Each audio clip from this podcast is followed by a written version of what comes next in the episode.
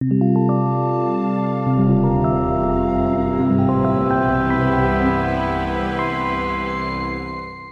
och välkomna till Akademiska smådåd.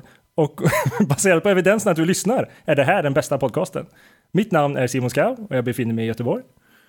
Ehm, Jag heter Kristoffer Sundberg och försöker klura ut Simons skämt och sitter i Lödöse.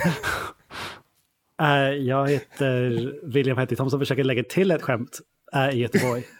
Men misslyckas.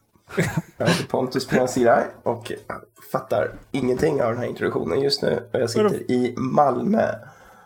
Uh, sa jag rätt namn? Jag, alltså jag var så fokuserad på vad jag skulle säga efter det. Jag är osäker om jag sa mitt eget namn. Jo, Men- du sa ditt eget namn. Du Okej. lyckades den här gången med ditt namn. bra.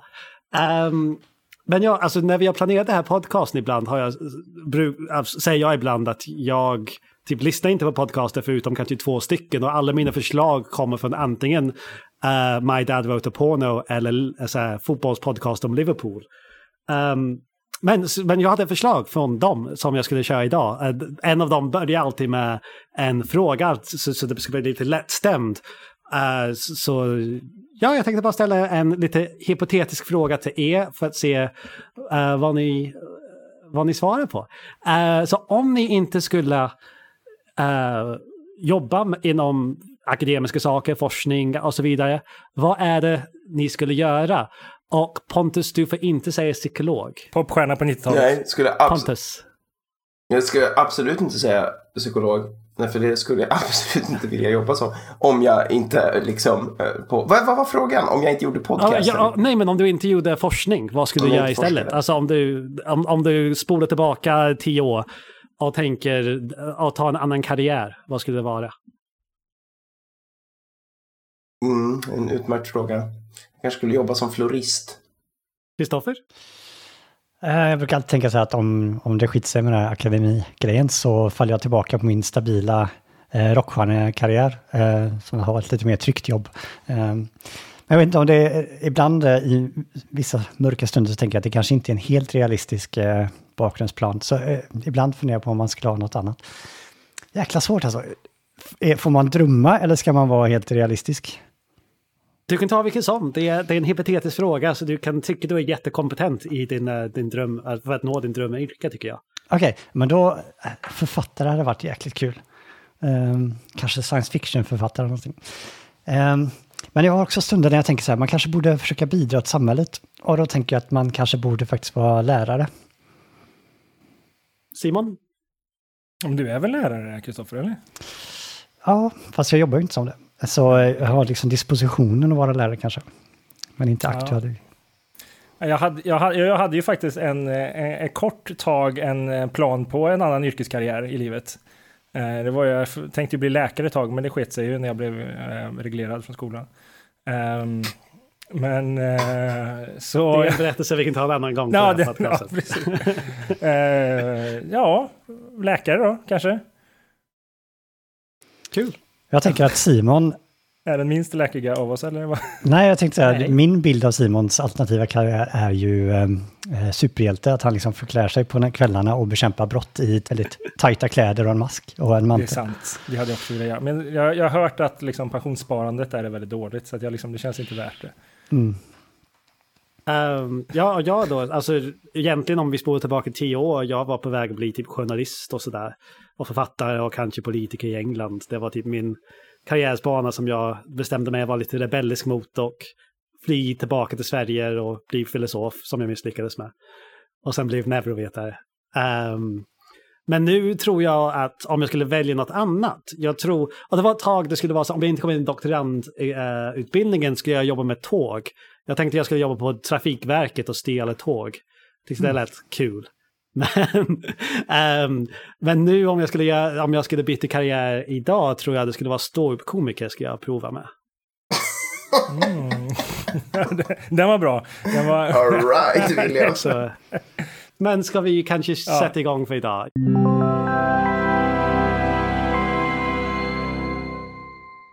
Eh, så idag ska vi prata om abduktion och anledningen jag vill prata om just abduktion idag är för att jag har läst väldigt mycket om det under sommaren och faktiskt skrivit en artikel om det och varför just abduktion är viktigt och användbart för just vetenskap. Och förhoppningsvis kan vi komma till det lite senare, eller säga lite om varför det är viktigt för vetenskap. Men vad är abduktion? Eh, det är ett sätt att resonera. Traditionellt finns det två sätt att resonera. Deduktion och induktion. Och abduktion är ett tredje sätt som introducerades, tror jag han var den första, av Peirce. Uh, på slutet av 1800-talet, början på 1900-talet. Uh, eh, för att förstå vad abduktion är då, vi måste också snabbt sammanfatta vad induktion och deduktion är. Så deduktion handlar om att man drar slutsatser med den informationen man har och, den sluts och man inte lägger till någon ny information i, i, um, i sin slutsats, i, i sin härledning. Så till exempel om jag har tio bollar i en påse och jag drar ut tre bollar så kan vi härleda att det finns sju bollar kvar i påsen. Vi har inte gjort någonting med vår slutsats förutom att vi har omvandlat den informationen vi har.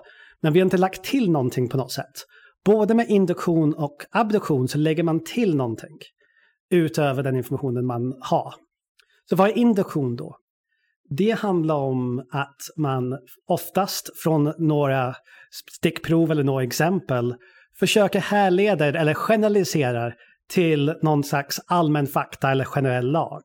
Så till exempel Uh, om jag ser en fågel utanför mitt fönster just nu och den kan flyga och jag ser en annan fågel som kan flyga och en tredje fågel som kan flyga så kanske jag, kan dra, jag, jag kommer att dra slutsatsen att alla fåglar kan flyga. Och nu, det var ett exempel på, på hur man kan göra induktion men också uh, ett exempel på hur försiktig man måste vara med induktion för jag tror de flesta vet att alla fåglar inte kan flyga. Så där ser vi att induktion, äh, induktionsproblemet, som vi kanske kommer att prata om i, i ett annat avsnitt, man kan inte nödvändigtvis tro på induktion hela tiden. Men induktion är det som vi gör inom forskning väldigt mycket, med bekräftande forskning, med statistik som vi pratar om väldigt mycket. Okej, okay, så det var lite om deduktion och induktion. Så vad är abduktion då? Istället för att försöka hitta en um, generell lag med den informationen man har, man försöker um, man försöker hitta en förklaring för den informationen man har. Så om vi går tillbaka till det här fågelexemplet.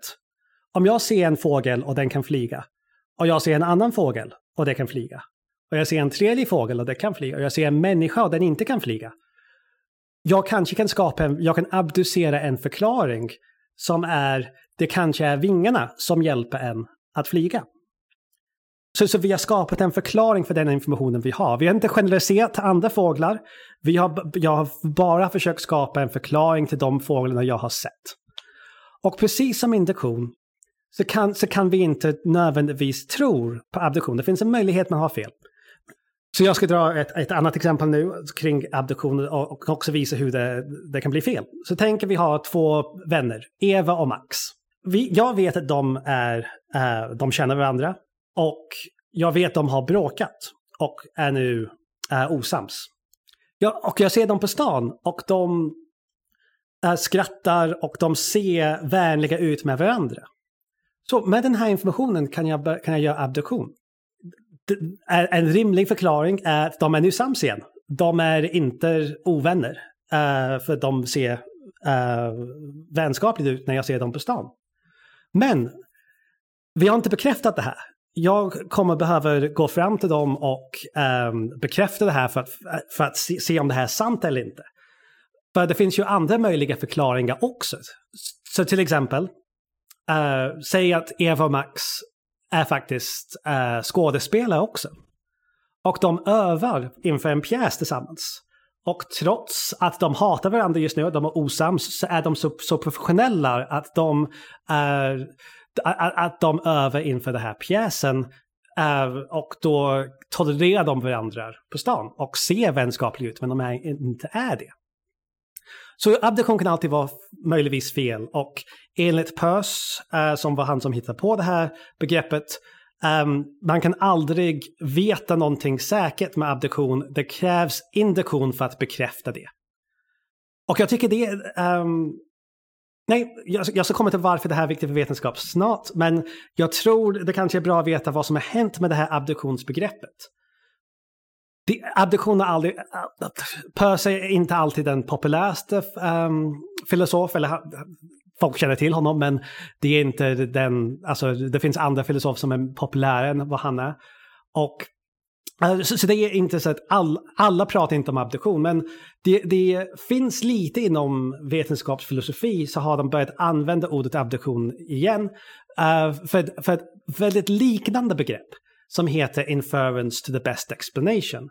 Och det är, um, ett, och de också, de som pratar om inference to the best explanation eller inference den bästa förklaringen, de pratar om, um, de, de, säger att det är nästan en vidareutveckling av abduktion. Så vi kan säga till exempel att ja, Percys abduktionsbegrepp eller abduktion 1, det handlar om att skapa en förklaring. Det behöver inte vara den bästa förklaringen, men det ska vara en rimlig förklaring till den Ehm, um, informationen vi har. Och vi kan kalla det för abduktion 1, för vi kanske kommer, för jag vet Kristoffer tycker om det här andra begreppet om abduktion, så vi kanske kommer att prata om båda de här två begreppen. Och vi kan kalla det här nya begrepp som handlar inte bara om att skapa en förklaring, men att försöka även hitta den bästa möjliga förklaring kan vi kalla för abduktion 2. Det är lite nyansskillnader mellan dem.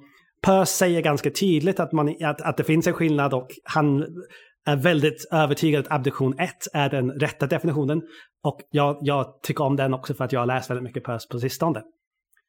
Så um, det, var lite, det var lite om det. Och slutligen, så varför är det här viktigt för vetenskap då? Jo, vi, för ett par avsnitt sen så pratade vi om explorativ och bekräftande forskning och skillnaden mellan dem. Och exploratorisk forskning, det kan, det kan leda till ett nullresultat till exempel. Att, att man, vi, vi testar någonting och det leder ingenstans. Men det kan även vara att um, när, vi, när vi gjort explorativ forskning och vi har hittat någonting, vad ska vi göra med de här nya fynd vi har? Jo, men vi ska, ska, vi ska göra abduktion på det. För den eh, abduktion i, inom vetenskap, enligt PÖS handlar om att skapa hypoteser. För hypoteser är förklaring för data man har sett och som är för induktion att bekräfta. Så när vi ska skapa en bro mellan exploratorisk och bekräftande forskning så tycker jag att eh, abduktion kan hjälpa med den bron.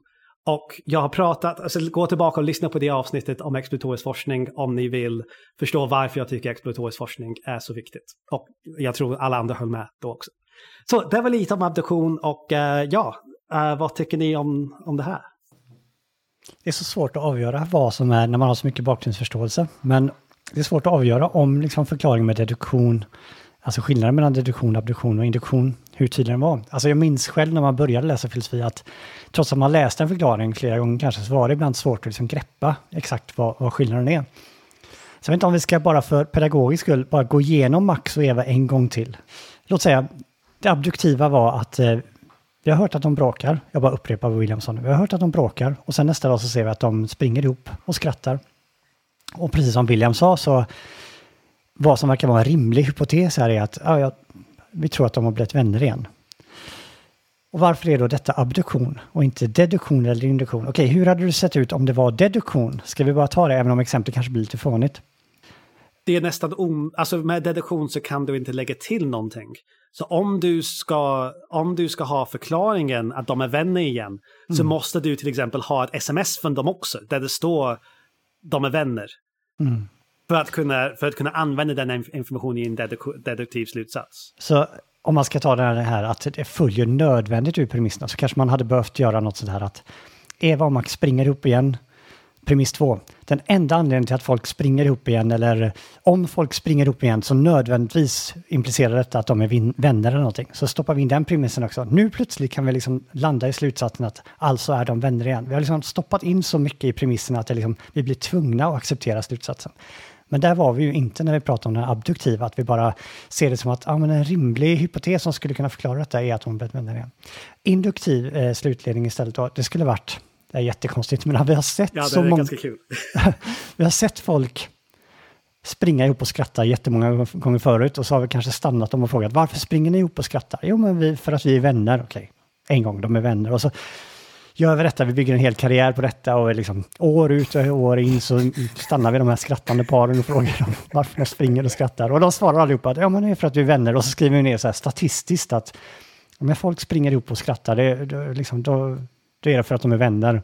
Så nu gör vi en, liksom en rent statistisk, eh, frekventistisk, när vi ser det här exemplaret här då, att de springer och skrattar, så liksom går vi på den här statistiska och projicerar då eh, eh, ja, eh, den här slutledningen. Så då skulle det vara en induktiv kanske. Jag skulle vilja revidera mitt svar till Williams fråga, till introt. Jag skulle, inte, jag skulle nog vilja bygga en hel karriär på att fråga, fråga folk huruvida de här nu är vänner. Men inte som vetenskapsman då? Utan bara för... Bara, bara, för... bara det som karriär. Bara det. I par, antasta folk i parker, fråga varför de springer ihop, om de är vänner eller inte nu.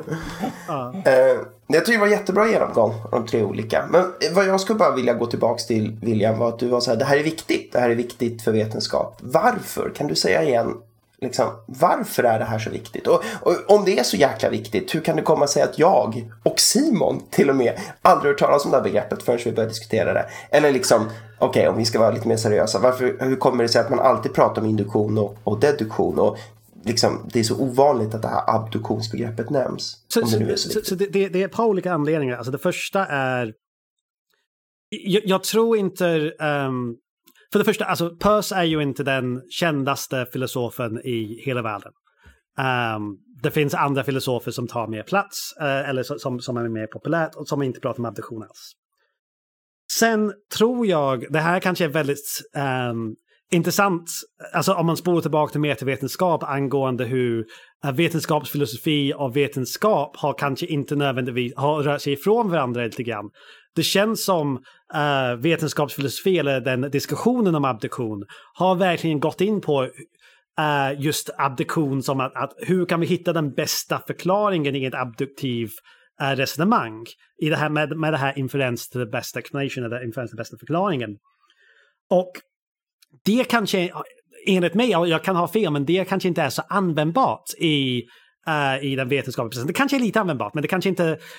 Men den, disku, den, den, den, den diskussion eller, som de har haft kanske inte är nödvändigtvis så relevant. De, har, prat, de har pratat väldigt mycket syntax och formuleringar och det, det, kan, det är svårt att förstå, men varför är det applicerbart idag? Um, så det är varför det kanske inte har blivit så, så populärt. Och, och, samtidigt, man ser ibland misstaget vad folk gör i i vetenskap idag. De tror de gör, de, de gör induktion men ibland säger de att de håller på med deduktion. Alltså det, det finns, alltså vi kan inte säga vetenskapspersoner är nödvändigtvis jättebra på uh, förklara sina egna resonemang eller vad de gör. Så de håller på med abduktion. Alltså, de, för vi skapar hypoteser. Hypotesskapandet är alltid en sorts abduktion. Men man kan, ha, men man kan absolut ha bättre och sämre abduktiva resonemang. Um, och det kanske är därför uh, jag tycker det är jätteviktigt. För att vi, uh, så varför man borde ta upp det lite mer är på grund av att vi borde göra den här abduktiva processen lite mer explicit, lite mer öppet. Så vi kan kritisera det. För till exempel man kan skapa hypoteser som är inte så hållbara. Om man gör lite begreppsanalys på dem så är, är det någonting fel med, med hypotesen. Men om man sen till exempel har lite mer öppet abduktiv process där andra människor kan granska det så kommer man se om hypotesen är bra eller inte först innan man sen gör ganska dyr bekräftande forskning på det. Så det här handlar om att, att vi ska bara släppa Alltså, det är ett sätt att försöka fixa det här när vi pratar om replikationskrisen och så. Uh, och, och väldigt mycket av det handlar om bekräftande forskning. Och det handlar om att försöka bara släppa igenom till den bekräftande delen av den vetenskapliga processen de hypoteserna som är värt att göra bekräftande forskning på. Som vi har lite evidens att de är ganska rimliga förklaringar till evidens vi redan har. För det, det, är ganska onödigt att bara säga, ja men jag har en hypotes att egentligen bilar flyger, fast bara lite grann, de är bara ett par millimeter från, från marken. Men det är min hypotes, jag sen söker pengar till VR för att bekräfta det här. Det är kanske inte så jag kanske skriver en jätter, jätterimligt varför det här är jätteviktigt att få reda på. Men alltså, jag vet inte varför jag tänkte på att bilar ska flyga. Jag vill jättegärna veta varför jag tänkte så. jag typ såg en bil utanför mitt fönster, att, ja, att det var typ därför. Men, um, men det handlar om att man, att man uh, kan, kan vara lite mer effektiv i vad man satsar sina begränsade forskningspott på. Det handlar om att vässa selektionsprocessen av hypoteser som vi ska undersöka. Men alltså, du sa, du sa en intressant sak. Då. Du sa att forskare idag gör kanske lite abduktion. Men, men, men jag skulle vilja gå så långt att säga att forskare idag gör i princip bara abduktion. Jag vet inte hur kontroversiellt det påståendet är här bland er fyra. Men alltså, jag tänker mig att vi gör väldigt lite, nästan ingen deduktion och ganska lite induktion. Det finns alltid massa olika hypoteser. Alltså, om man tänker sig att abduktion bara handlar om inference to the best explanation, slutledning till den bästa förklaringen, så kommer det alltid finnas, känner jag att det alltid kommer finnas många, många olika hypoteser som kan förklara den observerade datan. Och, och vi kommer alltid kunna argumentera som forskare för att ja, jag, tycker, jag tror på den hypotesen som jag tycker bäst, är den bästa förklaringsmodellen, den bästa förklaringen. Kristoffer kanske har en annan hypotes som han tycker för, bättre förklarar samma data. Och han kan hävda att han gör abduktion. Och jag kan hävda att jag gör abduktion. Och vi alla gör detta, tycker jag, i, i vår vardagliga, i vår forskning. Hela tiden. Så jag skulle påstå, och jag har väldigt svårt att se när, när ett hypodeduktivt, rent hypodeduktivt eh, resonemang kommer in i den forskning jag bedriver, det forskningsfält jag är i. Eh, och jag, liksom, att vara ren induktion, eh, jag har svårt att se när ren induktion sker utan hela tiden någon slags slutsats som liksom plaffas på induktionen som då är adduktiv i sin natur. Så det är liksom tesen jag tänkte försöka driva. Kan det vara så att vi forskare nästan alltid gör adduktion? Inte bara lite utan egentligen hela tiden. Trots att vi inte ens då uppenbarligen, i alla fall inte jag och Simon, har haft så bra koll på terminologin. Alltså jag har så mycket alltså, jag vill säga men jag är rädd ja. för att trampa på Simon. För du var nog först Simon. Ja, jag hade en, en så här, bara för att, och, och gå vidare på det Pontus sa. Vi har ju vi har ju tell i mycket, i, i mycket vetenskaplig litteratur där vi säger to the best of our knowledge eller liknande som kommer upp lite då och då. Som liksom visar på att så här, ja, men baserat på det här så drar vi den här slutsatsen. Vi har ingen mer kunskap nu, men vi, vi, vi förstår om vi har mer skulle vi kunna göra det. Och min fråga blir väl sen då, som vi kanske kan gå in på, kanske fråga är, är alltså jag tror också att det är någonting vi gör och att det är någonting bra vi gör och det är vettigt. Eh, och eh, sen kan man prata om eh, så här, med att belysa att det är det vi gör. Kan vi lära oss att göra det bättre likt då de, eh, de vetenskapsfilosoferna försökte göra som kanske inte blev så intressant i slutändan. Men det är väl det de försökte förstå. Hur kan vi göra det här bättre? Eh, men, eh, men jag är, mm, mm, ja, de tankarna jag ta upp. Jag... Ja. Ehm, det är så mycket jag skulle vilja säga. På ett sätt är det så lockande att man vill lägga upp bollen på sitt eget sätt. Och liksom, ja, först borde vi prata om det här och det här och det här. Men jag tror att... Eh, jag tror att det är lätt hänt att vi kommer att prata förbi varandra. För att här finns alla de här tre begreppen kan betyda olika saker. Och William eh, hintade redan att begreppet abduktion har åtminstone fått två betydelser. Ett liksom historiskt med Peirce och ett mer modernt. Historiskt, som William sa, mer att handlar om att lyfta att upptäcka hypoteser. Medan det moderna är mer att hitta eh, att avgöra vilka hypoteser som är bra hypoteser. Och Pontus pratade redan om att vi skulle hitta liksom hypoteser som är bra att undersöka. Nu tror jag eh, att William kommer längre fram kanske vilja lägga fram att det finns någon sorts sån tanke att, att det är bra och dåliga upplevelser redan i den här historiska kanske. Eh, men bara en kvalifikation att redan, redan här har vi två saker, två begrepp som vi kan prata förbi varandra. Och sen också induktion och deduktion har vi nu sagt att det betyder det här och det här. Men här finns också breda och smala begrepp. Och eh, jag tror att nu har råkar jag ha läst lite av Williams eh, skrifter och sådär, men man kan prata om, som Peirce gjorde, att prata om induktion och deduktion. Det finns ett sätt där man väldigt gärna kanske vill prata om de här tre, som tre komponenter i den vetenskapliga processen, att man har en process som består av både abduktion, deduktion och induktion. Då använder man begreppen induktion och deduktion på ett lite, lite annat sätt. Det finns också andra begrepp där det är specifikt liksom rena generaliseringar induktion och, och liksom, deduktion är väldigt kopplat till formell logik, matematik och sådär. Och bara för att säga det Pontus sa, Alltså jag har ju stött på det här begreppet, inte främst genom att läsa så mycket Peirce.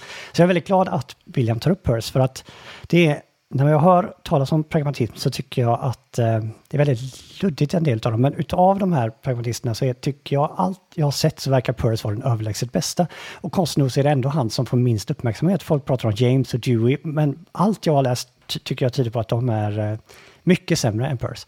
Eh, och det är konstigt nog så hittar man inte Peirce. Eh, liksom man kan springa in och springa på böcker eh, på William, men eh, jag liksom stöter inte på Peirce så mycket. Så eh, det är bra att han nämns. Ehm, men om man tänker min... När jag har blivit undervisad om abduktion, så jag vet inte, här är ett induktivt problem att jag tar mig själv som ett typexempel för hela filosofiämnet. Men mitt intryck är att den liksom moderna filosofiska debatten så nämner man liksom in, abduktion som ja, någonting mer i stil med berättigande av hypoteser. Och liksom de här, vad som verkar vara standardverk till kurser om vetenskapsfilosofi, de säger ungefär som Pontus sa, nämligen att trots att de här gamla logiska empiristerna verkade säga att liksom induktion är liksom vetenskapens kärna, så ifrågasätter de det och frågar hur mycket ren induktion förekommer egentligen? Och då pratar de om induktion i den här smalare betydelsen, kanske inte den William kommer att nämna, men liksom verkligen är strikt generaliserande. Och Istället vill den moderna forskningen säga att nej, det är ju abduktion som är liksom själva vetenskapens kärna. Liksom att all vetenskap, även om man inte nämner det vid det namnet, så är det liksom det som är liksom mer eller mindre nästintill synonymt med den vetenskapliga metoden, eller en väldigt central del av det. Så att eh, när William då säger att här är något vi borde lyfta fram och liksom kämpa för abduktion, så kanske några som har ett annat perspektiv skulle liksom tänka att, eh, tro att, ja men jag trodde att det här var liksom nästan till en självklar del av nästan till all vetenskap. Fast vi kallar det inte det namnet och forskare kanske inte inser att de gör det. Men det är liksom en del av det som vi kallar vetenskapliga metoden. Eh, förlåt, det blev lite långt, men jag känner ett orosmoment att vi, vi liksom, någon säger att nej, det är klart vi använder induktion och säger någon nej, det är klart vi inte gör. Och så här. Bara en eh, reservation att här finns en viss risk för begreppsförvirring. Jag säger två saker till det. Uh, först um, angående um, abduktion, alltså varför jag tycker man borde lyfta fram abduktion och vara mer explicit över det. Um, jag, jag, försöker inte säga det var en hemlighet att vi hållit på med det. Och jag har hittat en stor hemlighet att shit, alla forskare håller på med abduktion. Uh, utan snarare, jag försöker säga, um, det är en, alltså, jag tycker inte nödvändigtvis att folk håller på med det här influence the best explanation begreppet idag i forskningen, utan att de gör kanske det här klassiska begreppet av pös när det gäller abduktion. vi måste prata om det mer senare, eh, ja, skillnaden mellan de två. Vi, vi, kan komma till det alltså, typ efter det här om, om ingen annan vill göra, säga något annat, men um, men det som jag tycker är ganska viktigt först att, att um, forskare ska få reda på vad de håller på med, alltså speciellt i, in, i den, det här metavetenskapliga grejen. Folk pratar nästan enbart om den här induktiva processen. Och med den induktiva processen här så menar jag statistisk inferens. För i statistisk inferens, det är ju en uh, matematisk mekanism som ska göra den här induktiva processen som säger men hur säker är du i din i din inferens när du ska försöka generalisera från dina stickprov till en, till, eh, en, en, till en, antingen en population eller till allmän, till, till allting. Eller något sånt. Um, ja, och det var en till sak jag tänkte säga, men det spelar, vi kan ta det sen. Um, men ska vi kanske då gå in på det här, men det, vad är det här skillnaden med det här klassiska och um, moderna? Eller vill ni, vill ni andra ta upp Nej, någonting jag, innan det? Jag känner att jag behöver ha klarhet i det. Vad är skillnaden mellan slutledning till den bästa förklaringen, inference to the best explanation, med den här mer klassiska synen på adoption som eh, Peirce stod för. Nu pratar vi om distinktionen mellan de här två begreppen. En sak som jag gärna skulle vilja ha på titeln här, vi pratar gärna om inference to the best explanation. Eh, men om vi, jag tror vi alla har läst den här Stanford Encyclopedia om abduktion och, och där förklaras de här två begreppen, det, det historiska och det moderna. Och då säger de att förvisso så kallar många det så här inference to the best explanation, men vad det är är att man eh, berättigar hypoteser. Eh, så jag tycker det är mer givande att tänka på det i termer av berättigande hypoteser, att försöka värdera dem som bättre eller sämre. Att det är det som är liksom abduktion 2, som har någon, av någon anledning så har jag liksom tänkt så, abduktion 1 är PERS, det är liksom upptäckandet av hypoteser. Abduktion 2, det är liksom där, okej okay, nu ska vi värdera dem och se vilka hypoteser verkar vara bra och vilka verkar vara dåliga. Så när vi kallar det inference to the best explanation så låter det, det kanske är historiskt korrekt, men för mig låter det lite ensidigt, som att man bara tittar på en. Alltså, det är liksom, det är rangeringen av hypoteser i bättre och sämre, som, som jag ser som det här andra, mer moderna Ja, för att abduktionsbegreppet. ha den bästa så måste du ha flera. Du kan inte bara ha en hypotes. Ja, Kanske har du en delad första plats då, men du har liksom rangerat massa hypoteser och sagt att det här verkar vara liksom de bra hypoteserna. Och här är så, hypoteser som verkar vara mindre bra och här, de här är helt värdelösa, men den bryr oss om dem. Så det är liksom först är det liksom upptäcka hypoteser och steg två är att eh, värdera dem. Och här måste jag känna att det är min pli- plikt att försvara Popper. Eh, reflex, det är liksom eh, del av min jobbeskrivning. Eh, så William sa att eh, Popper säger att eh, det spelar inte så stor roll hur vi kommer på dem. Och det är helt sant. Han säger så här, ja men om det hjälper att dricka kaffe för att komma på eh, spännande hypoteser, så ja, då, drick kaffe då, det är liksom bra. Men eh, alltså, det betyder inte, kanske lät det så, eh, eh, men det kanske inte var meningen, att det inte går att skilja mellan bra och dåliga hypoteser. Han vill ju att vi ska komma på djärva hypoteser är hans ord. Alltså det, vi ska hitta på de bra hypoteserna. Så det är liksom inte bara det att det inte spelar...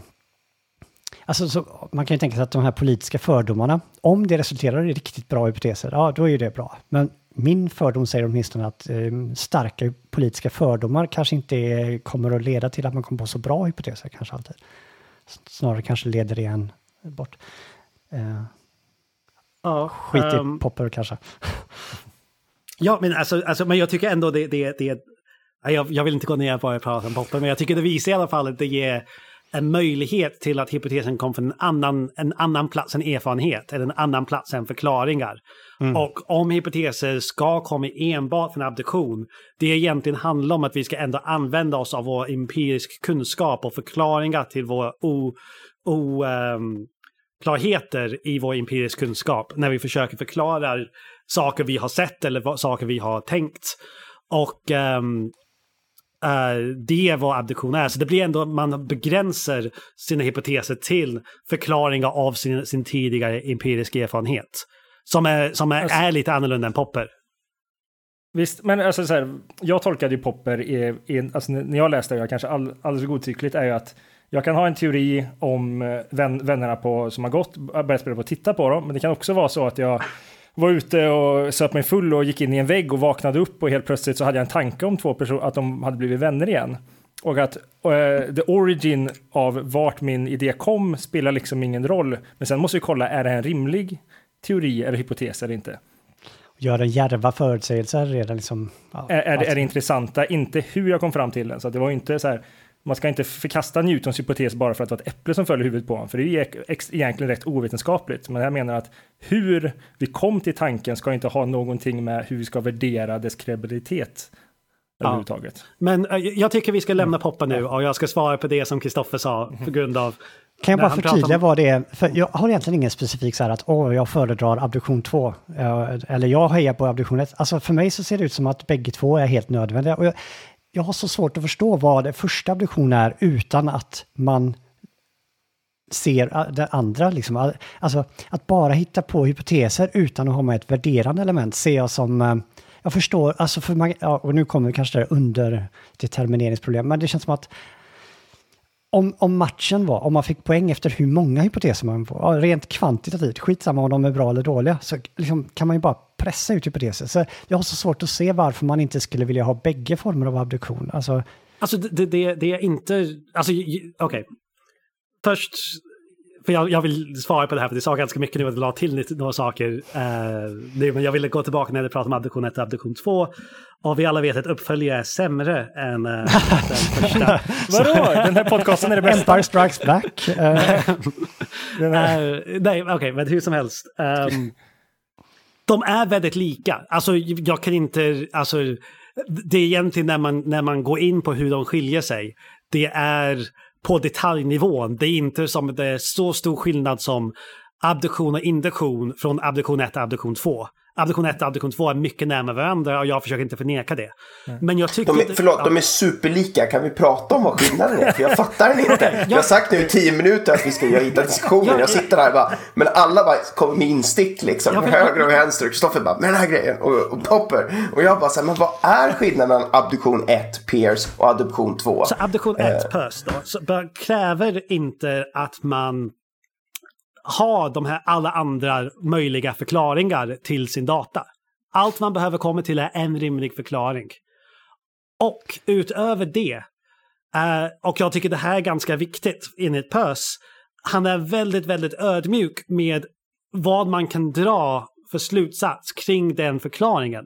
Utan att vi, vi, vi kan säga den är, vi, vi kan bara, uh, han säger ordet provisionally, uh, we can adopt this hypothesis. Så han säger så här, vi kan Um, vi har en anledning att tro det här är en, en möjlig förklaring, men vi har inte bekräftat det än. Det, är, det har bara status som en, en rimlig hypotes. Så, så i, i Max och Eva-fallet så skulle det då vara att vi säger så här, vi tror att de har blivit vänner med betoning på tror. Absolut. Vi måste gå fram till dem och fråga, är ni kompisar igen? Inte bara alltså, tror, Det är vi har väldigt skäl att viktigt tro. att vi, Men- men- vi har skäl att tro. Vi måste samla in mer data på Max och Ja, Lena att efter vi har sett dem. dem jogga. Det måste gå att fråga dem ifall Okej, de... ja. För, för, för att du kan sen uh, säga du vet. För, uh, uh, innan det så kan du bara säga vi har, vi har en förklaring till det här. Men, och därför tycker jag om Percys abduktion lite grann på grund av den skapade här gråskala av vetenskapliga fakta. På grund av eh, till exempel det med coronaviruset till exempel just nu, när vi får nya vetenskapliga observationer hela tiden kring saker som visar sig att inte stämma i längden, för det är bara så här nya saker vi hittar. Um, och ibland så kommer det inte bekräftas, för forskning kan hittas att saker är fel. Och jag tycker det, det hjälper att lyfta fram det här explicit. Det här är inte sant än. Det här, har vi, det här är inte induktion än. Och det här är inte bekräftat än. Och det är därför jag tycker om abduktion 1. För den, den, den ser till att den hamnar där. Och Men här den, är jag den helt nej, oförstående. Men, men jag kommer nu till nästa biten angående abduktion 2. Ehm, för det finns två skillnader som jag tycker är ganska viktigt. I abduktion 1, som jag sa, man behöver bara en förklaring. I abduktion 2, som du En sa... rimlig förklaring sa du. En, en, en, en rimlig förklaring. Och vi kan gå in på, eh, jag kan prata om att det finns eh, vad är en rimlig förklaring i en, pös-grej. Men i abduktion 2, du behöver flera förklaringar. Som du sa förut, eh, Kristoffer, är- du behöver ha en rangordning. Det krävs inte i, i abduktion 1. I abduktion 2 så behöver du tänka på att det finns flera förklaringar. Och det kan vara bättre, det kan vara sämre för olika anledningar. Men sen håller du på att rangordna dem. Och sen vissa, inte alla som håller på med, med eh, sån här sorts eh, med abduktion 2. Vissa däremot börjar säga att det finns, vi har skäl att tro på uh, att den bästa förklaringen är sant. Och det är, en stor, det är de två stora skillnader. Att vissa argumenterar vi har skäl för den här, vi har större skäl i abduktion 2 att tro på den bästa förklaringen än i abduktion 1. Och i abdiktion och i abduktion 2 har man flera förklaringar än nödvändiga. Men i abduktion 1 så behöver man inte tänka på alla möjliga. Så för att ta exemplet om Eva och Max, jag minns inte om de hette Eva eller om det var Eva eller Lena och Max som var ute och joggade, så tänker man sig i abduktion 2 så kan det vara så att de har blivit vänner. Det kan vara så att de, del, de övar inför en pjäs men är fortfarande osams. Det kan vara så att någon under pistolhot har tvingat ut dem att, att jogga ihop och, och ni måste skratta och se glada ut men egentligen så är ni, är ni jätterädda och, och fortfarande osams. Och så rangordnar de här tre vi nyss ställde upp och kommer fram till att äh, det mest rimliga här är nog ändå att de blir vänner. Så vi abducerar därför att Precis. där, de är vänner och det förklarar varför de joggar ihop. Det var abduktion 2. Yes, man behöver den Okej. listan av alla möjliga förklaringar. Som den Då är jag med. Men det här, det här jag inte förstår. För, för mig, Okej, det är nog här som Förstår förklarar du- den skillnaden. För, för, för, förstår du, det var två skillnader där. Jag tror det finns en sak du inte håller med om. Håller du med det finns en skillnad mellan eh, en mot flera, en mot en lista? Förstår du den skillnaden? Nej, det är det jag inte Okej. gör. För jag tycker att ordet rimlig redan är inne i berättigandet av en hypotes. En hypotes är rimlig snarare än orimlig. Redan där har du tagit ett berättigande. Så, så, Okej, så, den är, så eh, enligt Peirce då, vad rimlig betyder är att den kan, den kan erbjuda sig till den bekräftande processen. Så det finns en möjlighet att den kan bekräftas. Det är vad en rimlig förklaring är enligt Peirce. Den ska, den ska ge en tydlig Uh, den, den ska erbjuda en tydlig plan för att vi kan testa det här. Att den, så till exempel en rimlig förklaring, kan, eh, en rimlig abduktion i abduktion 1 kan inte vara till exempel, ja men det finns massa spöken för, uh, på grund av vi kan inte testa det. Så en rimlig förklaring i abduktion 1 är inte rimligen andra förklaringar utan det är rimligt att vi kan gå sen och testa det här och se om det är sant. Så man förstår rimlighet utan att kontrastera mot de orimliga alternativa förklaringarna. Alltså, Men det, det var inte, jag sa att det precis inte var så i abduktion 1. fast när du säger att Rimlig någonting är betyder- rimlig. Rimlig betyder enbart att man kan testa den hypotesen, den förklaringen. Alla andra förklaringar spelar ingen roll. Det är bara att det går att se, du kan göra ett experiment och bekräfta om den där hypotesen är sant eller inte. Så Oberoende så- av alla så- andra förklaringar. Så vi behöver inte säga rimlig, vi kan säga verifier, potentiellt verifierbar hypotes. Ja, men det lägger in andra värderingar, att, att man håller på att verifiera saker med induktion. Så jag vill inte Ja. säga så, men ja, alltså man kan säga så. Absolut. Får jag ta ett exempel? Är det okej? Så får Kristoffer och William suga på det. Ska vi se om det blir ett bra exempel eller inte. Och, och, och kan vi, se. Vi, vi, vi tar det här exemplet då som, som jag just läste innan jag loggade in här på, på Zoom. Ehm, på 1800-talet, eller när det nu var, så eh, observerade man eh, planeten Uranus bana eh, runt i, runt i solsystemet och såg att den avvek från Isaac Newtons teori om hur himlakroppar ska röra sig med, med gravitation och sådana saker. Jaha, sa man. Okej, det var ju konstigt att Uranus avviker från hur vi tänker att den ska röra sig utifrån Isaac Newtons teori. Det finns två hypoteser här. Isaac Newton hade fel. Okej, han hade helt och hållet fel. Vilket då man kan tycka är lite wobbly-wobbly eftersom den, liksom Isaac Newtons teori har nu i 200 år ungefär lyckats förklara en himla massa saker och korrekt predicera en himla massa eh, kroppars rörelse hit och dit. Eh, alternativ nummer två som då eh, några vetenskapspersoner kom på är att ja, men det finns ytterligare en planet utanför Uranus bana som vi inte har sett som förklarar varför Uranus rör sig på det här viset.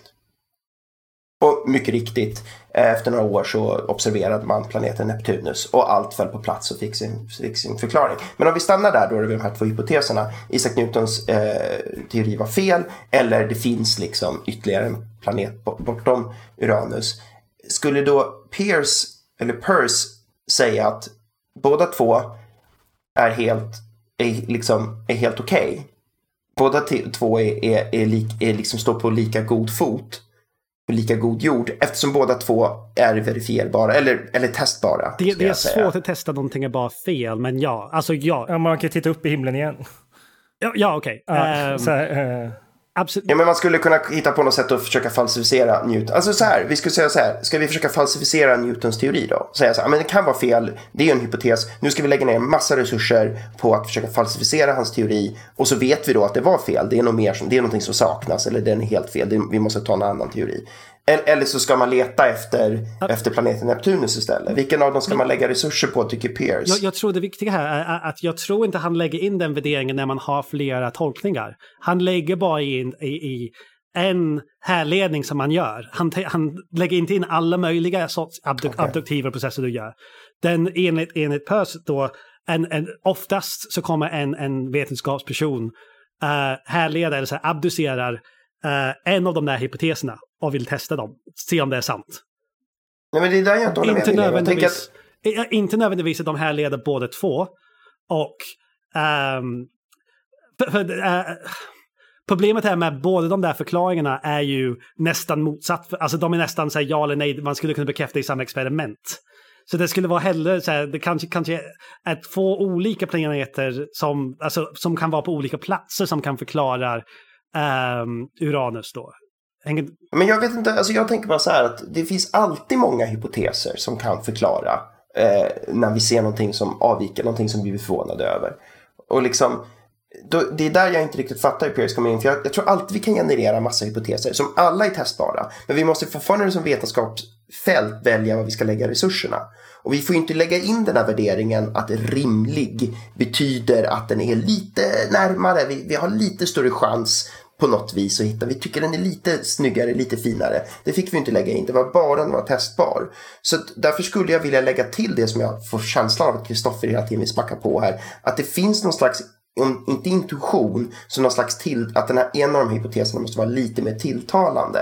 För det är där vi ska smacka in resurserna. jag vet inte om jag missförstår era, era diskussion. Eller Ja, Det är en normativ aspekt som är svår att komma ifrån tycker jag. Men, men en, jag tror till exempel det som, det som är väldigt viktigt, alltså såklart man kan tänka på flera, det, det är ju möjligt, alltså men um, i abduktion, i, i, i abduktion 1 i enhet PÖS. Alltså man behöver inte tänka på alla möjliga och till exempel du och jag skulle kunna se samma data och hitta olika förklaringar. Ut, alltså, alltså kommer med olika, med vår besluts, olika sorts rimlighet, vad det nu är. Vi kommer med, ni båda har olika hypoteser. Olika hypoteser som vi vill testa från samma, från samma ursprungliga data.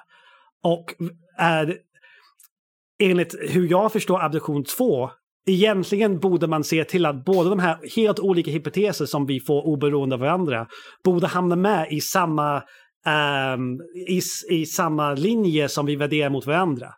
Men i PÖS, jag tror inte i, i PÖS, alltså jag kanske tolkade fel, men eftersom det är en distinktion mellan de här två, jag är ganska tydlig, det här är distinktionen från det jag har läst. Um, det, det kräver inte att du hittar den bästa. Du kräver bara att du hittar den förklaringen du tycker om och den förklaringen som uh, enligt PÖS då, en bra förklaring är någonting som kan gå att testa. Jag, jag, kommer att, jag, alltså jag håller med att tvåan kommer hända. Jag, alltså i, i de flesta fall. Att man, alltså, alltså, det är inte det som jag, men jag tycker det är en annan process. Det, det, är, det är ett andra steg i sin abduktion. Men jag tycker det som är viktigt som man ska lyfta fram, är det som jag tycker är så genialiskt med PÖS, är just steg ett i den här tvåstegsprocessen. För det andra steget kan se annorlunda ut på olika sätt. Och det finns... Um, jag, jag, läste en artikel som försökte förklara skillnaden till det här, så att jag kan skilja på den om, om jag gör så dåligt jobb att berätta om skillnaden med abduktion 1 och abduktion 2, så skiljer jag på den här personen. Um, men uh, i den, så den, den sa nästan att om man tror på abduktion 2, man har nästan en plikt att tro på vissa av de här förklaringarna. Men, äh, äh, inte nödvändigtvis en plikt för det är ju en väldigt laddad term, men äh, att, att rimlig i det här fallet är nästan någonting väldigt objektivt. Det är nästan så om vi skulle alla komma överens vilken är den rimligaste förklaringen här. Och det som den här personen använde istället var ordet, istället för inference to the best explanation, det var inference to the loveliest explanation. Det är förklaringen som du själv tycker verkar vara bäst. Och det kan vara en annan andrastegsprocess än, än just det här abduktion 2. Abduktion 2 gör det här tvåstegsprocessen och um, nästan säger att de här, den här tvåstegsprocessen ska fungera på precis det här sättet. Medan det jag kanske argumenterar för i det här fallet, är abduktion 1 är ett steg och steg 2 kan se ut på lite annorlunda sätt. Och det kan vi prata om en annan gång och så vidare. Men det som jag tycker kanske är viktigt för vetenskap idag är att vi måste tänka på hur vi kommer fram till våra hypoteser. För jag tror vi kanske inte tänker på det tillräckligt mycket. Eller jag är 100% säker att det är väldigt många som inte tänker på det tillräckligt. Och jag tycker de... Det, det är underbart att de börjar berättiga sina hypoteser. Men först måste de också tänka på hur de skapar sina hypoteser. Här, här, här blir det ju, det, det var jätte, för jag har tänkt på det här förut, alltså när jag försöker tänka på, för, för som sades förut lite tidigare, att det, det kan vara viktigt något som jag har haft svårt med addition är för mig att tänka ibland att ja, men det är ju bara tänkande. Vi ska bara tänka. Vi ska bara så här, vi har deduk deduktion och vi har induktion och sen så gör vi, sen tänker vi ibland också och försöker förstå saker och ting. Um, uh, men då, då kommer man till att ja, men vi behöver förstå vad vi gör för också in någon typ av möjlighet kanske försöka belysa det och kanske göra det bättre. Men här vill jag ha hjälp av er nu. Jag, jag kan tänka mig hur utforskningen av att göra steg två bättre. Men hur kan vi göra steg ett bättre? Ja, och, och det här går, går lite in på uh, varför jag pratar om explorativ och bekräftande forskning vid slutet. För, och jag tycker det är ganska viktigt när man tänker på explorativ forskning. Alltså vad ska slutproduktet av den vara? Uh, och jag tror det är många idag som tänker att exploration, äh, när man gör explorativ studier, det slutar nästan med en beskrivning av systemet eller, eller av problemet. Så, så det är nästan att man nästan bara säger ja men den här patienten den upplever de, de här, de här, de här symptomen. Det är vad explorativ forskning är. Men jag tycker man kan nästan börja prata om vad är bra explorativ, vad är bra eller användbar explorativ forskning kontra dålig och oanvändbar explorativ forskning. Och det är om det leder till en abduktiv resonemang som kan sen testas i bekräftande forskning. Och det ger en explicit uh, roll av abduktion som vi kan skriva i, vår, i våra artiklar som sen uh, har en plats i den vetenskapliga, en explicit plats i den vetenskapliga processen. Det är min åsikt. Ja, det är smart. Det men, men då, då är det hur vi gör explorativ forskning bättre, inte hur vi gör steg ett bättre. Men, men, men, jag håller med om det, det var intressant. Men, uh, uh, Okej, okay. men, uh, men du pratar om hur, att, att abduktionen bara tänka i det vetenskapliga. Sen, sen kan man börja prata när vi skriver den här diskussionen med abduktiva slutsatser. Vill, vad är bra abduktion där? Ska det bara vara abduktion 1 eller ska det vara abduktion 2? Ja. Ja, det ska jag inte... Ja, nu har jag svarat på den frågan om, om tänkandet och hur vi kan använda det i vetenskap. Så nu ska Kristoffer komma in. Ja, men det här illustrerar kanske bara hur vi talar förbi varandra lite. För att jag skulle ungefär säga det som William säger. Eh, för att, ja, det är det som gör det hela så absurt. För jag tror att på ett sätt så är jag helt överens med William. Men vi har ju naturligtvis den här jätteviktiga debatten om abduktion 1 och abduktion 2. Grejen är att jag bakar in abduktion 2 i 1 för att jag tycker att vi ska hitta bra hypoteser. Och för mig så är det jag kanske mycket mer liberal vad som anses bra. Jag kan ha liksom en bra hypotes. Skitsamma. Eh, om vi lägger det åt sidan då, eh, så för mig är det liksom bara abduktion att det William säger tycker jag låter extremt rimligt. Nämligen att mitt intryck är att vi hyllar de här coola forskarna som har gjort de här bekräftande fynden, liksom, som har gjort de här studierna. Och vad jag återigen utsidan perspektiv, men jag, vad jag tycker vi borde hylla mycket mer är de som kommer på de här spännande hypoteserna. Alltså att vi, den processen, att hitta på de här intressanta hypoteserna att testa. Och jag trodde naivt eh, att eh, explorativ forskning naturligtvis implicerade att komma på bra hypoteser. Jag, jag trodde att det var hela poängen med explorativ forskning. Nu visade det sig att eh, så var det inte, men alltså, det var det jag läste in eller hörde in i er förklaring om explorativ forskning. Att självklart är syftet där att hitta coola saker som vi kan testa. Och vad jag hör William och nu när jag läst Eh, säga är just att oavsett om vi kallar det bara abduktion 1 eller abduktion 1 plus 2, vilket jag kanske skulle tänka, så är det liksom att vi borde verkligen hylla dem som är jäkligt duktiga på det här. Att titta på data och komma på med jäkligt spännande hypoteser. Eh, så det tycker jag är liksom, eh, det tycker jag är, låter jättespännande och rimligt att skitsamma vad vi kallar det, men det där abduktion i den rollen tycker jag verkar extremt rimligt. Och jag är chockad över att det kunde finnas explorativ forskning som inte var det. För mig lät det naivt som att självklart måste det väl vara det som är syftet med bra explorativ forskning. Jag vet inte, jag får för mig att explorativ forskning har ganska låg status. Så har vi liksom inte diskuterat så mycket i vetenskapliga samfundet. Vad är bra? Vad är dålig eh, explorativ forskning? Vad är syftet med explorativ forskning? Och det är kanske hela, hela poängen med att vi har pratat om det här i många tidigare avsnitt. Att man liksom hela tiden försöker baka in explorativ forskning och förvandla om det, sminka grisen så den ser ut som konfirmatorisk forskning fast det inte är det. Och det blir farligt i sin tur för du får läsaren en idé av att det är högre evidens än vad det har. Och det tror jag grundar sig i det vi just går igenom, en okunnighet om liksom att ens tänka kring de här begreppen och att ens tänka kring vad är det vi vill göra med explorativ forskning? Är det abduktion 1 och 2? Alltså ens få in de tankarna.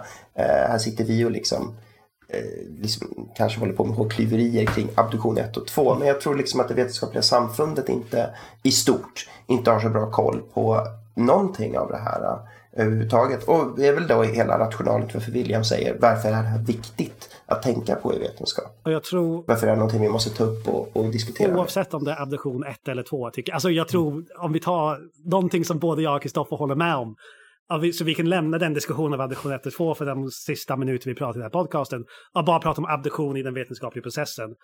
Och um, det som... Um, när, när um, både var, uh, nästan bara upprepa vad Kristoffer och, och Pontus sa nu, men um, det, det problemet när vi pratat om till exempel att man gör hawking där man har hypoteser efter sina results är bekräftade. Eller så där man har, det är egentligen explorativ forskning som man sen låtsas är bekräftande forskning. Och egentligen borde man lägga till det som i, i sin plats. Men och Kristoffer sa någonting intressant om vem som ska få cred för det här nästan, vem som ska få beröm. Och jag tror på grund av att äh, psykologi har, och, och eh, all fält som stämmer från psykologi försöker göra bekräftande forskning och inte göra det här explorativa fas så hyllar vi de som gör bekräftande forskning. Men om vi tänker fysik, äh, som alltså Higgs Higgs-boson som vann Nobelpriset i fysik för några år sedan. Det var ju både teoretikerna, de som egentligen gjorde det här abduktiva härledning, som sa en Higgs-boson borde finnas och de som bekräftade det i experimentell fysik som vann Nobelpriset tillsammans. Den vetenskapliga processen är samarbetet mellan de här två processerna. Vi, jag tycker vi inte borde se, säga ab, den abduktiva är bättre än den induktiva eller den explosiva är bättre än den bekräftande. Uh, eller, eller motsatsen. De är båda väsentliga och det var Percys poäng. Är, vi kan inte ha, den vetenskapliga processen består av abduktion och induktion.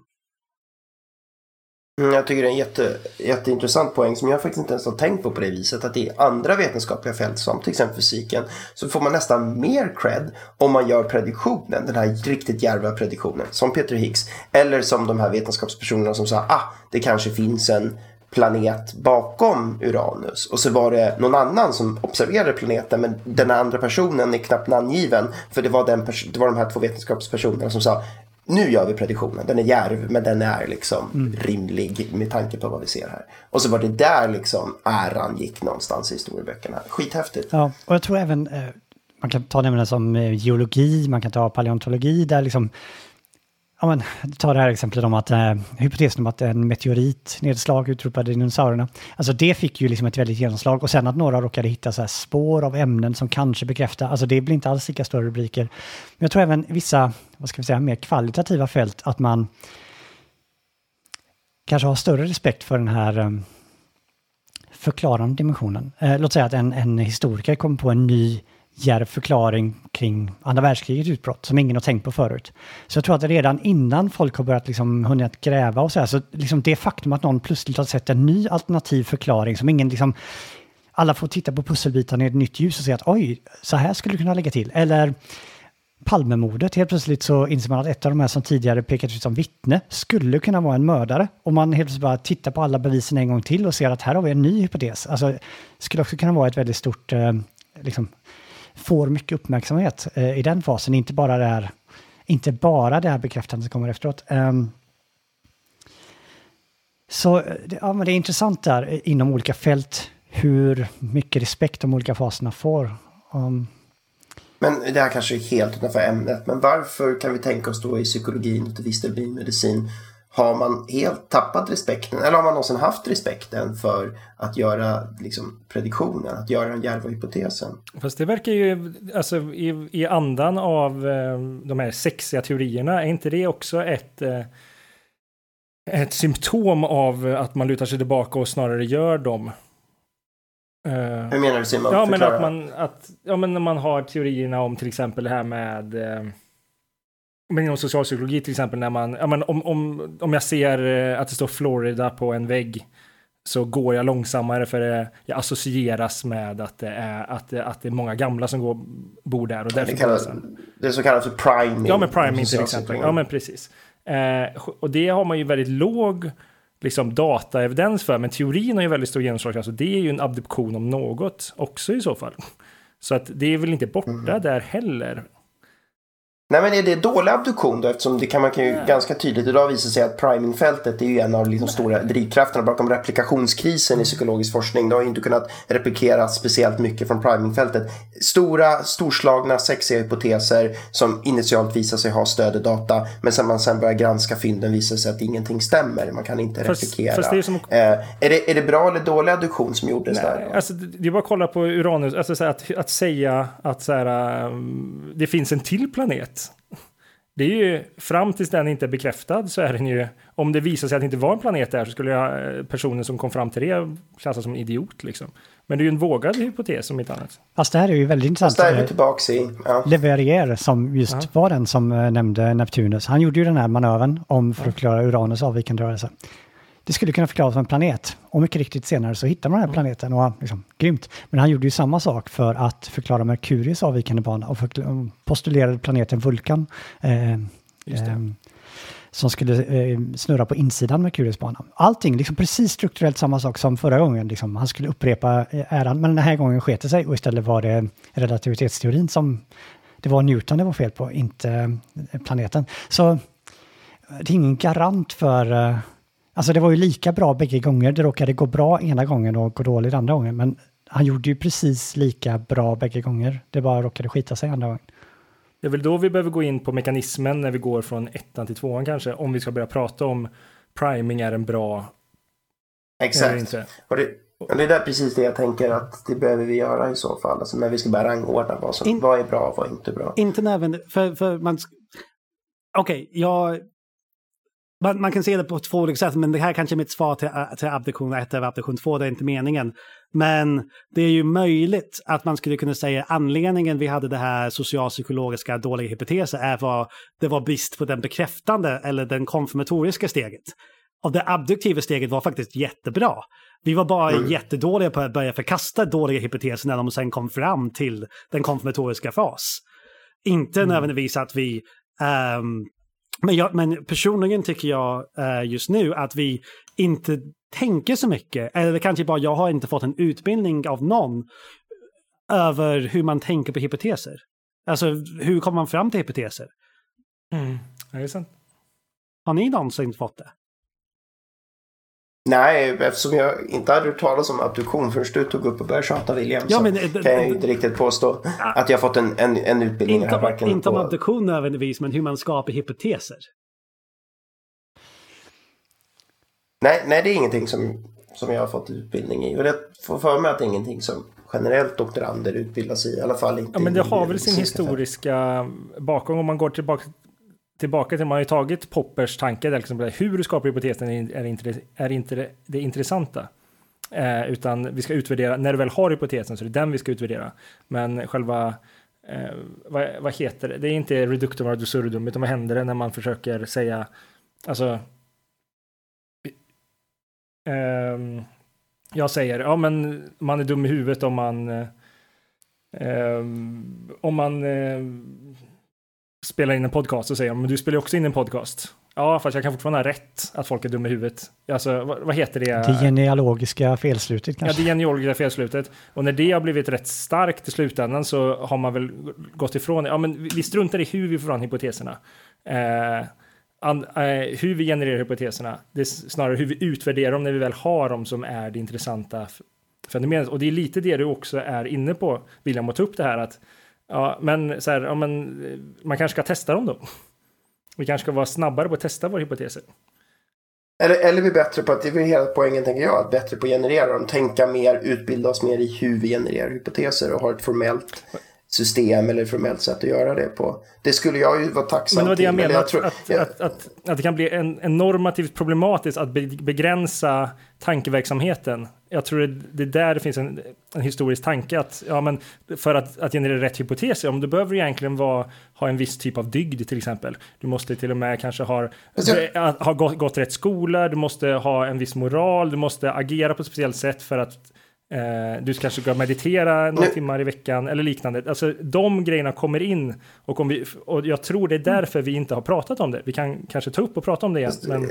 Ja, jag vet inte tusan Simon, jag tänker snarare att det kan stimulera bra, goda hypotesgenererande med att diskutera det, liksom, diskutera olika processer, prata om abduktion 1 och så övergång till mm. abduktion 2 och problemen mellan dem och så. Jag tänker snarare att det om någonting, att istället för att liksom inte göra eller gömma undan det för man tror att då att man sätter begränsningar så tror jag snarare att jag tror att det skulle få motsatt effekt. Vi skulle stimulera alltså tankeverksamhet, kreativitet, diskussion om det här som skulle förmodligen göra att vi kan, jag, tänker jag, och då är jag tillbaka till abduktion 2 kanske, fast då med den hypotesgenererande eh, mekanismen, att vi skulle kunna plocka bort ganska många hypoteser som vi idag sitter och lägger pengar på att testa, som vi i alla fall skulle nedgradera, alltså skulle komma längre ner i prioritetsordningen. Och det, jag, tror, jag får för mig att det här är viktigt. Alltså. Jag får för mig att det här är riktigt viktigt och att det på något sätt skulle också alltså problemet kunna lösa en del av de alltså, problemen vi ser i, problemet i, i man får då, idag. Alltså, jag håller med, det är viktigt och jag tycker vi ska fortsätta diskutera det här för jag håller med, ämnet är viktigt. Men problemet blir att vi kan få en värdering i hypoteserna, till exempel att eh, ja, men jag är eh, neuroforskare eh, och kommer på en hypotes om hur hjärnan fungerar. Kristoffer är inte neuroforskare, men han har också en hypotes om hjärnan. Och redan på bas så har vi två hypoteser liggande så att säga. Eh, och, men baserat på att jag har eh, mer sätt att... Eh, alltså vi, vi, kan säga ett bra sätt att generera hypoteser är att eh, gått en utbildning inom det ämnet. Det har jag gjort, så vi borde värdera min hypotes mer. Fast det vi har, det jag tänker vi historiskt kommer fram till att nej, vi ska, när hypoteserna väl är lagda så ska vi utvärdera dem utifrån varandra. Det, Men nu tror jag just i, i abduktionsbegreppet så ingår ju inte att värdera din utbildning på något vis. Eller liksom i den processen. Så det, det, var väl bara att då har vi hittat på ett dåligt sätt att värdera hypoteser och generera hypoteser. Men det är värt att diskutera fortfarande. Ja, precis. Jag. Men jag, jag, jag, jag vill bara, bara förklara jag... hur, hur, det kommer sig att det skulle kunna bli så. Att vi har gått ifrån och försöka förstå det steget. För att det faktiskt kan, ha, kan sänka möjligheten att utvärdera alla hypoteser. Jag bara jätte, jätteglad att ni två har gått från att vara lite likgiltiga i det här uh, avsnittet till att säga det här är jätteviktigt att börja bli passionerade över hur vi ska fixa abduktionsproblemet i vetenskap. Nej, jag, jag tycker fortfarande det vi gör hela tiden. Men uh, Likgiltig vet jag inte vad rätt Nej. om. Jag var väl bara lite mera, eh, jag var väldigt så här, mm. öppen och platt inför vad det här skulle bli för någonting. Jag hade inte så starka stakes. Men, jag känner kanske att mina stakes är star starkare nu Kristoffers ögonbryn har upp, åkt upp många gånger upp och ner nu. Jag vill så gärna höra vad de ögonbrynen har att säga. Det är något jag jättegärna vill säga, men jag vet inte om det kommer ut rätt. Det här var eh, en kommentar till Williams text. Jag försöker komma ihåg det, för det känns relevant nu. Okej, okay, men jag, kanske kan man tänka så här. Nu kan jag argumentera mot en version av Popper i alla fall som har figurerat i samtalet, nämligen att det spelar någon roll hur hypoteserna genereras. Och jag försöker nu ta på mig abduktion 1, William-hatten, så gott jag kan. Eh, och skitsamma, det här är någonting jag tycker är rimligt. Skitsamma om William tycker det också. Eh, tack. Okej. Okay. Eh, det verkar orimligt att liksom, eh, värdera hypoteser baserat på vem det är som har sagt det. Men jag tror att ibland kan det låta som att, när vi pratar nu, som att vi måste upphöja statusen av abduktion, så här, att folk inser att man gör det och man har trott att man inte gör det. Jag skulle kanske föreslå att det kanske är fel sätt, att, att det kanske är så att alla använder abduktion inte. Vad vi ska uppvärdera är vikten av bra abduktion. Så då är tanken att vi kan generera, att vi kan göra bra eller dålig abduktion. Och de här sexiga hypoteserna som kom, ja de gjorde abduktion. Men de kanske bara så här, tittade på väldigt lite data, gjorde inte mycket exploratorisk data, utan de hade någonting. Och så fick de en cool idé som var jättesexig och så började de testa den direkt. Jag trodde att läxan vi fick med oss av avsnitt fyra, eller vad det nu var, exploratorisk kontra eh, konfirmatorisk forskning var att nej, vi, vi det finns en normativ aspekt här. Bra eller dålig abduktion. Är din abduktion resultatet av en noggrann och väl genomförd exploratorisk forskning detta har genererat en hypotes. Och eh, min tolkning är att det är det här William säger att när liksom man ska titta på hur vi genererar hypoteser. Är den, vi kan hållas moraliskt, vetenskapligt, epistemiskt ansvariga för hur vi landar den här hypotesen. Och nu slår jag till då den här versionen av Popper som har ibland figurerat. Kom du på din hypotes bara för att du drack kaffe så är liksom inte det lika... Det har inte samma epistemiska status som om du kom fram till den här hypotesen efter noggrann genomgång av exploratorisk forskning. Så att det är inte det att vi ska upphöja abduktion hur som helst, utan vi ska upphöja vikten av väl genomförd abduktion. Liksom, vi har kommit fram till de här hypoteserna genom noga genomförd exploratorisk forskning. Nej, för när ni pratar om bra abduktion, jag vill bara poängtera en sak som jag tycker gäller för både abduktion 1 och abduktion 2, tror jag med abduktion 2, men det gäller absolut för abduktion 1. Är det inte dålig abduktion om det visar sig att hypotesen var fel? Det är okej okay om hypotesen har, är fel. Alltså, jag, för annars handlar det om att man ska se den i framtiden och ha någon slags uh, specialkänsla att man kan predicera uh, universum och då, då, har du en väldigt speciell kraft som du kan göra någonting bättre med ditt liv än forskning. Då är det kanske till och med deduktion om du kan ha ja, de krafterna. Precis. Um, så, så, så, så, ja, men jag vill bara klargöra att när vi pratar om bra abduktion, vi, vi menar inte att vi måste nödvändigtvis ha rätt. Utan det ska vara en bra förklaring i stunden. Mm, när du gör din förklaring. Mm. Så bra förklaring och testbar förklaring. Då, då, med den evidensen vi sitter på just nu. Och sen så får vi se, liksom, omvärdera det såklart. När vi väl har, om det kommer in ny evidens eller om vi uppdaterar. Men här tycker jag också den här evidensen du sitter på just nu. Att du kan hållas ansvarig för vilken evidens du har om jag ser till att jag har skit lite jättedålig evidens just nu, så, liksom, så säger jag ja, men det var den bästa hypotesen baserat på det. Så jag har moraliskt duktig vetenskapsperson. Alltså jag trodde, tänkte att läxan vi snarare lärde oss från Exploratorius var att nej, vi kan hållas ansvariga för, alltså vi har en plikt att se till att de här hypoteserna genereras av så god evidens som möjligt. Och jag trodde att det, det är det William också säger, att um, vi måste fokusera mer på hur de här hypoteserna uppstår. Yes. Jag, ska, jag, jag, vill hålla med dig helt, Kristoffer. Jag vill bara försöka förtydliga min poäng mer mot Pontus förut. Säg till exempel att Kristoffer tittar på all data och kommer på jättemycket exp, eh, exp, explorativ data och får fram hypotes 1. Eh, och jag sitter och dricker kaffe, inte tittar på någon data, men tar också fram hypotes 1. I, det, är, ska vi värdera dem olika? Nej, det, de är kanske till och med ekvivalenta. Vi till exempel formulerar dem på exakt samma sätt. Eh, och i, i det fallet så spelar inte bakgrunden hur vi kom fram till dem någon roll. Precis, när, så när de deras handlingsstatus eh, kan vara lika, alltså. Ja. Men eh, Precis, de, de, givet oändliga möjligheter så kan vi ju testa bägge två. Men, men, men de, är, och de råkar i det här fallet vara exakt samma. Vi, vi förutsäger exakt samma sak med samma bakgrund. Bara att du tittar på massa data och jag dricker kaffe. Ja, men du hade ju tur och inte jag. Alltså, ja, fast vi, ja, ja, ni har förstått min poäng, jag ska inte tjata mer om den. Nej, jag förstår att det finns en viktig poäng där, men jag tror mm. möjligtvis ändå att man kan liksom acceptera det mm. på ett sätt och ändå säga att nej, men, är det här normativa, att vi bör Eh, Eh, lämna så lite åt tur som möjligt. Alltså vi bör, som forskare har vi en plikt att... Ja. Eh. Um, en, en, eh, kanske en sista, den sista sak jag har att säga idag, ni kan, Kristoffer kan hoppa på mig igen, men um, eller, ja. Men um, jag tycker det här är jättekul och jag, jag tycker som sagt det är jätteviktigt. Och Kristoffer har nämnt till exempel att jag, en text jag har skrivit, jag håller på att skriva om abduktion, så därför jag har tvingat er att prata om abduktion idag. Men en sista sak jag vill kanske klargöra, för vi, jag tycker det är jättespännande när vi pratar om abduktions betydelse och när vi ska välja hypoteser för bekräftande. Men jag tycker det är, det är viktigt att vi skiljer mellan att vi pratar om resonemang, alltså ett typ av resonemang som abduktion som är att komma fram till hypoteser och sen finns det ett steg där vi ska välja hypoteser och sen finns det bekräftande forskning. Och vi har de här tre steg som vi pratar om. Och i abduktion 2 är de första två steg ihop, ihop uh, är i samma grej och i abduktion 1 så är det bara det här resonemangsbiten. För um, i det här andra steget så kan man lägga till saker som typ samhälleliga resurser och allt annat. Det är inte längre bara resonemang som induktion och deduktion.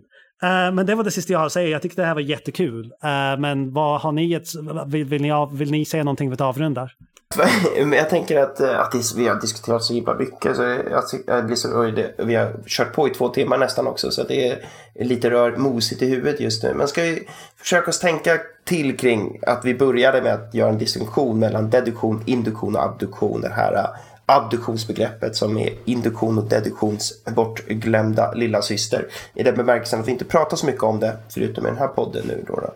Eh, abduktion, även då kanske om man bara liksom får höra det eller bara går in och läser snabbt på Wikipedia så översätts det oftast till inference to the best explanation, slutledning till den bästa förklaringen.